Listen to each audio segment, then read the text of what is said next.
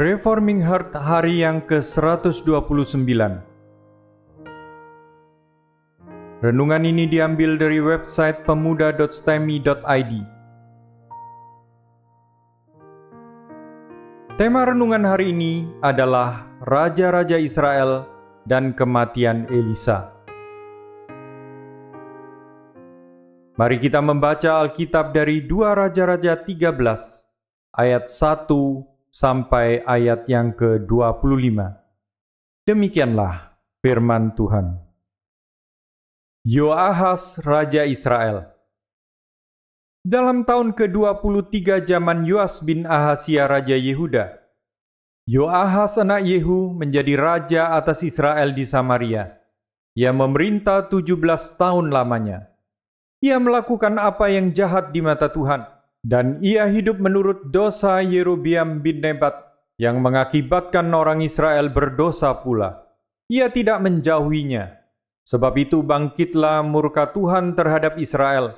Lalu diserahkannya lah mereka ke dalam tangan Hasael Raja Aram dan ke dalam tangan Ben-Hadad anak Hasael selama zaman itu. Tetapi kemudian Yoahas memohon belas kasihan Tuhan dan Tuhan mendengarkan dia, sebab ia telah melihat bagaimana beratnya orang Israel ditindas oleh Raja Aram. Tuhan memberikan kepada orang Israel seorang penolong, sehingga mereka lepas dari tangan Aram dan dapat duduk di kemah-kemah mereka seperti yang sudah-sudah. Hanya mereka tidak menjauh dari dosa-dosa keluarga Yerobiam yang mengakibatkan orang Israel berdosa pula. Melainkan mereka terus hidup dalam dosa itu juga patung Asyera masih berdiri di Samaria. Sebab tidak ada laskar ditinggalkan pada Yoahas selain dari lima puluh orang berkuda dan sepuluh kereta dan sepuluh ribu orang berjalan kaki. Sebab Raja Aram telah membinasakan mereka dan meniupkan mereka seperti abu pengirikan. Selebihnya dari riwayat Yoas dan segala yang dilakukannya dan kepahlawanannya, Bagaimana ia berperang melawan Amasya Raja Yehuda? Bukankah semuanya itu tertulis dalam kitab sejarah Raja-Raja Israel? Setelah Yuas mendapat perhentian bersama-sama dengan nenek moyangnya, maka duduklah Yerobeam di atas tahta ayahnya, dan Yuas dikuburkan di Samaria di samping Raja Israel. Kejadian menjelang kematian Elisa dan keajaiban dalam kuburnya. Ketika Elisa menderita sakit yang menyebabkan kematiannya, datanglah Yoas Raja Israel kepadanya dan menangis oleh karena dia, katanya, Bapakku, Bapakku, kereta Israel dan orang-orangnya yang berkuda. Berkatalah Elisa kepadanya, Ambillah busur dan anak-anak panah. Lalu diambillah busur dan anak-anak panah. Berkatalah ia kepada Raja Israel, Tariklah busurmu. Lalu ia menarik busurnya, tetapi Elisa menaruh tangannya di atas tangan raja, serta berkata, Bukalah jendela yang di sebelah timur. Dan ketika dibukanya, berkatalah Elisa, Panalah, lalu dipanahnya.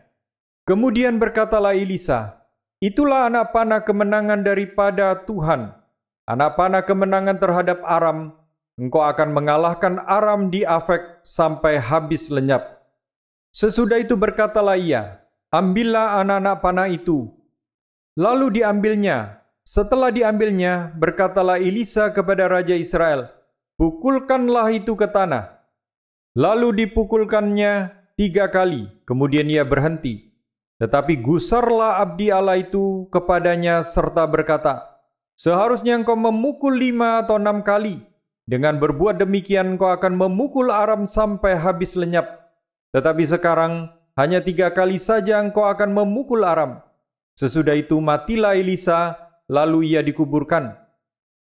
Adapun gerombolan Moab sering memasuki negeri itu pada pergantian tahun. Pada suatu kali, orang sedang menguburkan mayat. Ketika mereka melihat gerombolan datang, dicampakkan merekalah mayat itu ke dalam kubur Elisa, lalu pergi. Dan demi mayat itu kena kepada tulang-tulang Elisa, maka hiduplah ia kembali dan bangun berdiri. Kemenangan Yoas dan Aram Hasael Raja Aram menindas orang Israel sepanjang umur Yoahas. Tetapi Tuhan mengasihi serta menyayangi mereka, dan ia berpaling kepada mereka oleh karena perjanjiannya dengan Abraham, Ishak, dan Yakub.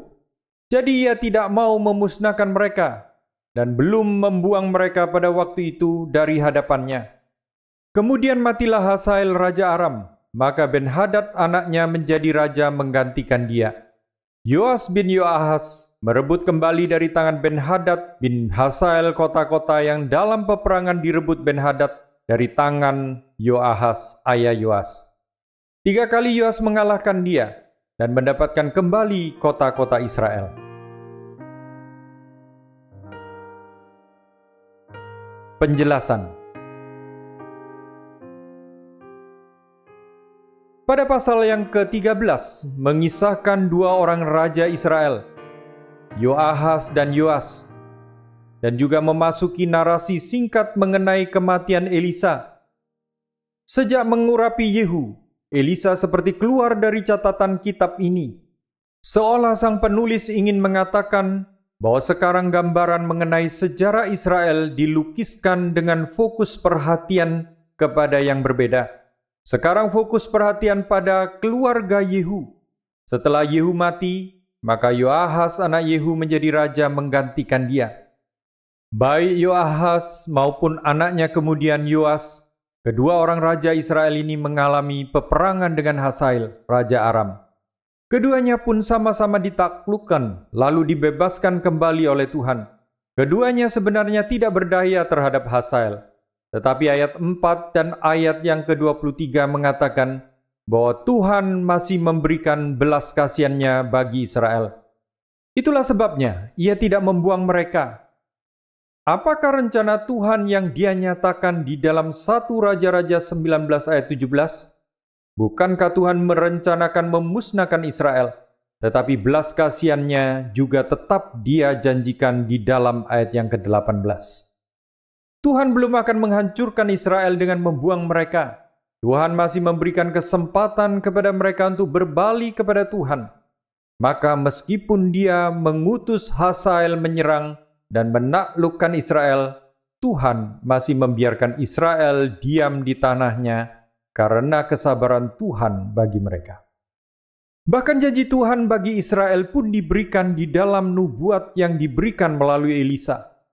Ayat 18 dan 19 mengatakan bahwa Tuhan memutuskan untuk memberikan kesempatan kepada Israel untuk memukul Bali Aram.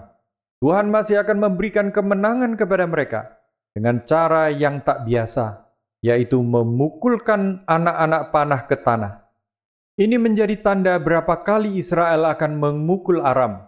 Ini bagian yang sangat unik Memukulkan panah-panah ke tanah bukan saja menjadi tanda kemenangan, tetapi juga menjadi dasar berapa kali pertempuran yang memberikan kemenangan itu akan terjadi.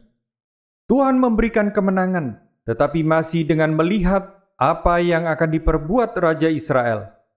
Raja Israel, yaitu Yuas, akan dipakai Tuhan memberikan kemenangan, tetapi hanya tiga kali. Bagian selanjutnya dalam ayat yang ke-20 dan ke-21 dicatat mujizat terakhir yang dilakukan Elisa setelah dia mati. Ketika ada mayat yang dilemparkan ke tulang belulang Elisa, tiba-tiba mayat itu hidup kembali.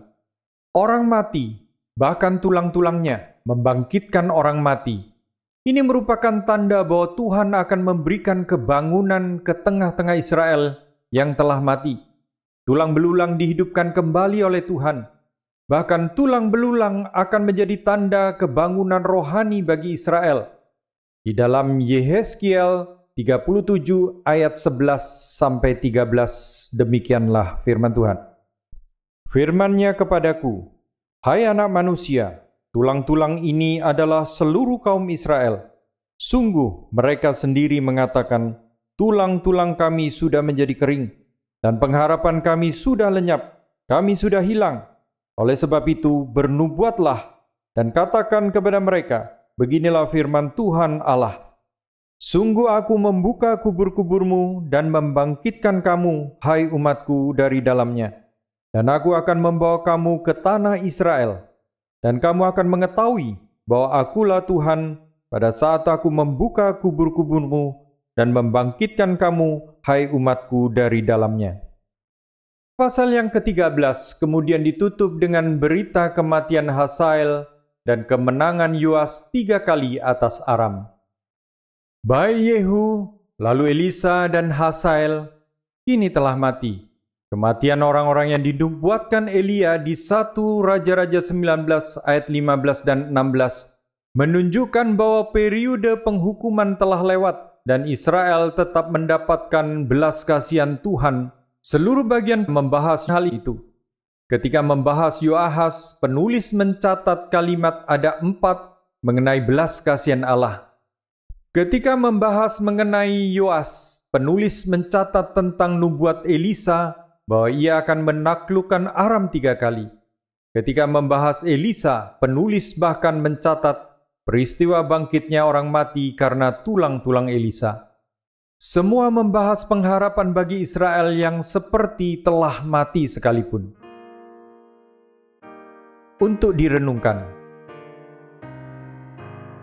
Yang pertama, hal yang dapat kita renungkan bersama-sama adalah seruan pertobatan yang dipanjatkan Yoahas Raja Yoahas memohon belas kasihan Tuhan karena beratnya penindasan Hasael. Hasael benar-benar menghancurkan Israel dengan kekejaman yang sangat tinggi. Karena kekejaman itulah Tuhan berbalik memberikan belas kasihan kepada Israel. Demikian juga kita semua. Kita tidak sedang berperang melawan Raja Hasael, tetapi kita semua sedang berperang melawan godaan dosa Biarlah kita belajar untuk senantiasa datang kepada Tuhan dan memohon belas kasihannya untuk menolong kita menang atas dosa. Biarlah kita menyadari betapa terdesaknya keadaan kita. Biarlah kita ingat betapa merusaknya dosa. Biarlah kita merasa benar-benar sadar akan kebutuhan pengampunan Tuhan. Barulah kita benar-benar meminta belas kasihan kepada Tuhan. Kita memohon belas kasihannya untuk menolong kita yang tidak sanggup mengalahkan dosa. Yang kedua, yang menjadi renungan kita untuk hari ini adalah bahwa hukuman Tuhan diberikan bukan saja karena kemarahan Tuhan terhadap dosa-dosa Israel, tetapi juga karena Tuhan menginginkan umatnya menyadari betapa besar mereka telah bersalah kepada Tuhan, sehingga mereka bertobat dan memohon pengampunannya. Inilah yang diperlukan agar Yoahas sadar bahwa dia dan bangsanya sudah jauh meninggalkan Tuhan. Kesadaran ini membuat Yoahas berseru memohon pertolongan Tuhan. Ini jugalah yang kita perlukan ketika hati kita sudah begitu bebal dalam berbuat dosa. Di saat tangan Tuhan berat menghukum, barulah kita menyadari betapa jauh kita telah meninggalkan Dia. Inilah yang perlu kita ingat bahwa di tengah-tengah beratnya tangan Tuhan yang menekan, seruan pertobatan dan minta tolong kita tidak pernah akan terhalang untuk didengarkan oleh Dia. Yang ketiga, hal yang ketiga dapat kita pelajari adalah mengenai kesetiaan Tuhan terhadap perjanjiannya melampaui rancangan murkanya. Di dalam satu Raja-Raja 19 ayat 17, adalah rancangan murka Tuhan. Ia begitu marah kepada Israel sehingga dia berfirman kepada Elia bahwa orang-orang seperti Hasael, Yehu, dan Elisa akan dia pakai untuk menghukum Israel. Tetapi dua Raja-Raja 13 ayat 23 mengatakan bahwa Tuhan mengingat janjinya kepada Abraham, Ishak dan Yakub sehingga dia tidak jadi memusnahkan Israel. Dia belum mau membawa umatnya ke dalam pembuangan karena belas kasihannya dan karena mengingat janjinya kepada Abraham. Jika perkataan di dalam satu Raja-Raja 19 ayat 17 adalah perkataan murka, maka Tuhan di dalam dua Raja-Raja telah mengubah rencana ini dengan tindakan yang jauh lebih lunak. Yang terjadi bukanlah yang luput dari pedang Hasael akan dibunuh Yehu, dan yang luput dari Yehu akan dibunuh Elisa. Tetapi yang terjadi adalah Yehu memusnahkan seluruh keluarga Ahab. Hasael menghancurkan Israel dengan dahsyat tetapi tidak mengalahkan mereka. Sedangkan Elisa malah Tuhan pakai untuk mengerjakan tanda-tanda dan bukti-bukti penyertaan Tuhan bagi Israel. Tuhan benar-benar masih memberikan kesempatan sekali lagi bagi Israel. Dia telah menyatakan kemuliaannya naik bersama-sama dengan Elia, tetapi ternyata dia masih berkenan untuk menyertai Israel sekali lagi melalui Elisa. Biarlah kesabaran Tuhan kita ingat untuk membuat kita semakin mengagumi Dia dan meninggalkan semua dosa-dosa kita dengan rela Jangan mempermainkan kesabaran Tuhan karena setiap kali Dia menyatakan kesabarannya, Dia sedang memanggil kita semua untuk bertobat dan kembali kepada Dia. Maksud kesabaran Tuhan adalah menuntun kita semua ke dalam pertobatan.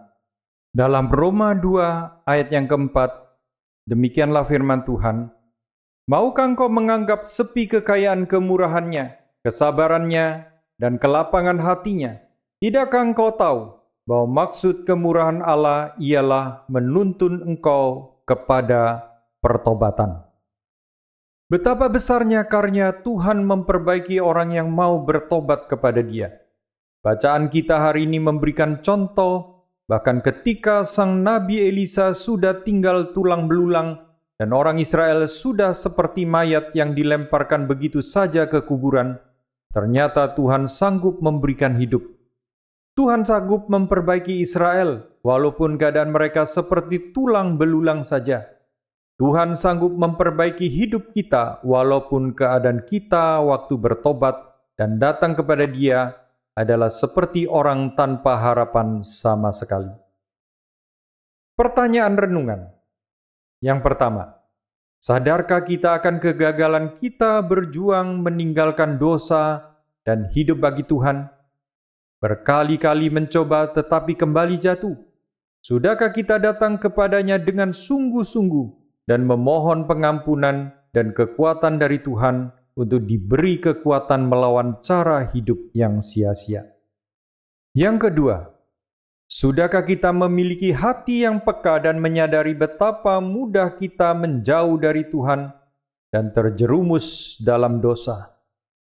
Dan yang ketiga, Sudahkah kita memahami bahwa ketika Tuhan memperbaiki umatnya, dia memperbaiki mereka dari keadaan rusak yang sangat parah, sehingga sepertinya tidak ada harapan.